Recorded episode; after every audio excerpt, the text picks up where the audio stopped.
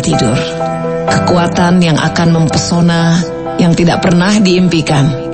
Kekuatan yang akan merevolusi kehidupan pemiliknya jika dibangkitkan dan diwujudkan dalam tindakan. Orion Sweet Marden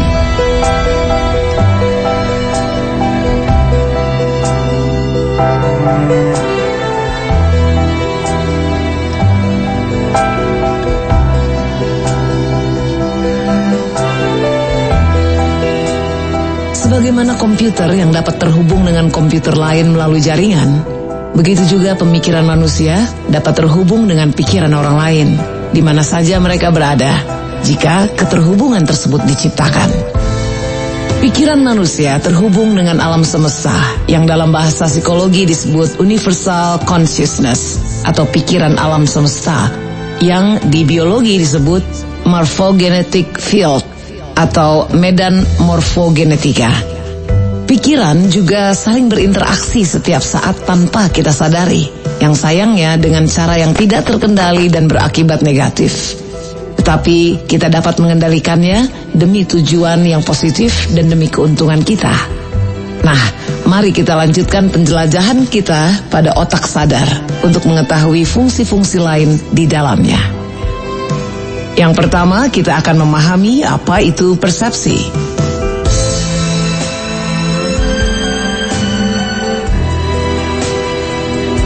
Jika saya bertanya pada Anda, dengan apa Anda melihat? Ah, Anda pasti akan menjawab dengan mata. Padahal bukan ini yang sesungguhnya terjadi. Kita melihat melalui mata. Sama seperti kita melihat melalui lensa jika kita menggunakan kacamata atau lensa kontak. Yang sebenarnya adalah kita melihat dengan otak kita.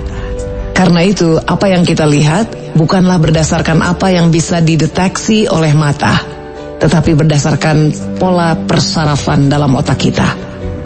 Hal ini menjelaskan mengapa persepsi bersifat sangat perseorangan dan setiap orang bisa sangat berbeda-beda. Kita bisa meminta beberapa orang untuk mengamati satu peristiwa yang sama, tetapi ketika kita mewawancarai mereka dengan cermat tentang apa yang telah terjadi, kita bisa mendapatkan kisah yang sangat berlainan. Ini bukan berarti karena hanya ada satu orang yang mengatakan kebenaran, mungkin mereka semua mengatakan kebenaran, hanya saja mereka semua melihat hal yang berbeda. Ketika persepsi kita berbeda dari persepsi orang lain, ada godaan untuk menyepelekan versi orang lain sebagai persepsi yang salah. Padahal akan lebih baik kalau kita meminta mereka untuk menunjukkan bagaimana mereka melihat apa yang mereka lihat.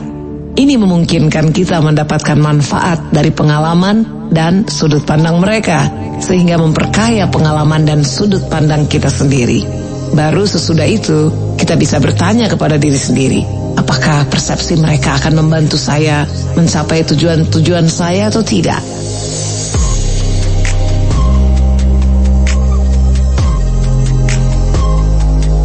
Ketika kita belajar mengerti persepsi orang lain dan menambahkannya ke dalam persepsi kita sendiri, kita dapat memperluas intelijensi kita sendiri.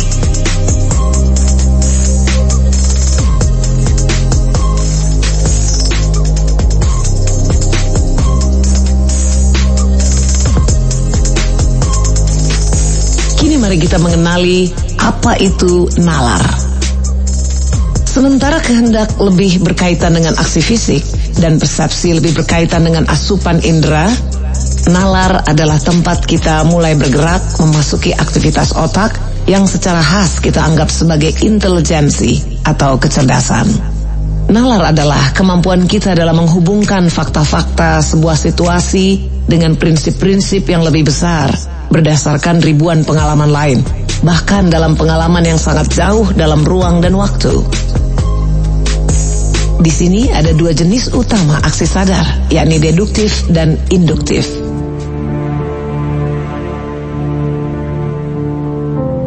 Daya pikir deduktif adalah kemampuan logis memeriksa fakta-fakta yang ada dan tiba pada sebuah kesimpulan yang logis berdasarkan prinsip-prinsip yang konsisten.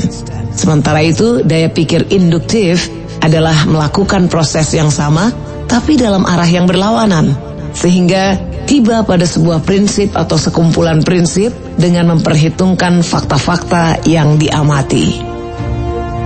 Dalam masyarakat modern yang melek huruf, kita cenderung sangat mengagungkan nalar. Meskipun memang tidak dapat diragukan bahwa memiliki kemampuan analisis yang kuat adalah sebuah kekuatan yang sangat bagus untuk kita miliki. Namun pada kenyataannya, kita bisa melihat Dunia ini penuh dengan para pebisnis yang sukses luar biasa meski mereka tidak terlalu kuat dalam area nalarnya.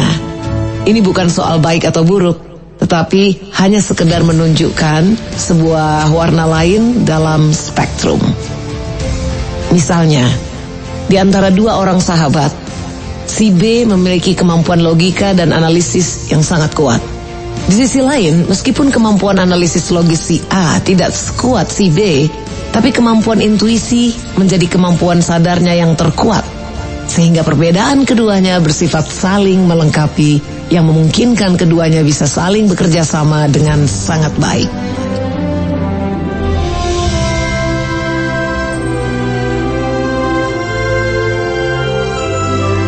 Tapi apa itu intuisi? Intuisi adalah kemampuan untuk mengetahui sebelum berpikir.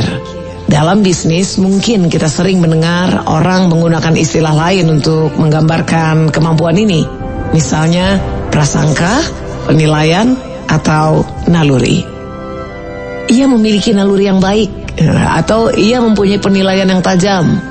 Tetapi semua istilah itu tidak terlalu akurat. Yang sungguh-sungguh dimaksudkan di sini adalah intuisi. Kata intuisi berasal dari kata Latin intueri yang berarti melihat pada. Ini mengacu pada kemampuan kita dalam mengamati sebuah situasi secara langsung tanpa ditengahi persepsi atau logika.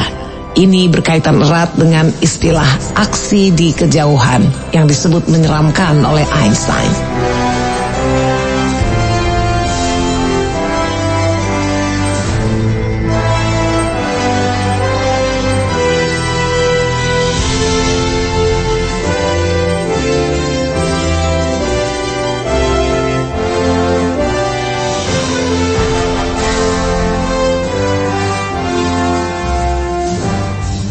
Anda berjalan memasuki sebuah ruangan yang penuh orang dan segera tahu bahwa ada sesuatu yang tidak beres meski tidak seorang pun mengatakan sesuatu atau memberi petunjuk? Anda tidak tahu bagaimana Anda bisa mengetahuinya. Anda hanya tahu begitu saja. Itulah intuisi. Bayangkan Anda berjalan memasuki sebuah pesta dan melihat seseorang di seberang ruangan. Dia tidak tersenyum, dan Anda segera menangkap satu penolakan yang kuat, satu hawa negatif. Mungkin Anda akan berpikir begini, astaga ada masalah apa sih dia? Atau mungkin Anda menyimpulkan telah melakukan sesuatu yang menyinggungnya. Atau mungkin Anda hanya berpikir, dasar payah. Atau apa pun interpretasi yang muncul untuk mengartikan situasi tersebut. Sampai kemudian ada seseorang yang membisikkan kepada Anda bahwa tadi siang anjing orang itu tertabrak mobil. Ha, maka tiba-tiba Anda jadi mempunyai pengertian yang sangat berbeda terhadap hawa negatif yang telah Anda tangkap tadi dan apa arti sesungguhnya dari hawa negatif itu. Inilah yang baru saja terjadi. Intuisi Anda membaca informasi dengan sangat tepat, tetapi nalar Anda memberi interpretasi yang salah. Contoh dalam ilustrasi ini bukan kesalahan intuisi, tetapi proses rasional dalam upaya memahaminya. Cara menguatkan intuisi adalah mempercayai sepenuhnya dan sekaligus bertahan terhadap godaan untuk memberi makna atau interpretasi sesuatu yang Anda tangkap melalui intuisi Anda itu. Intuisi adalah persepsi langsung terhadap energi murni dan energi tidak pernah berdusta.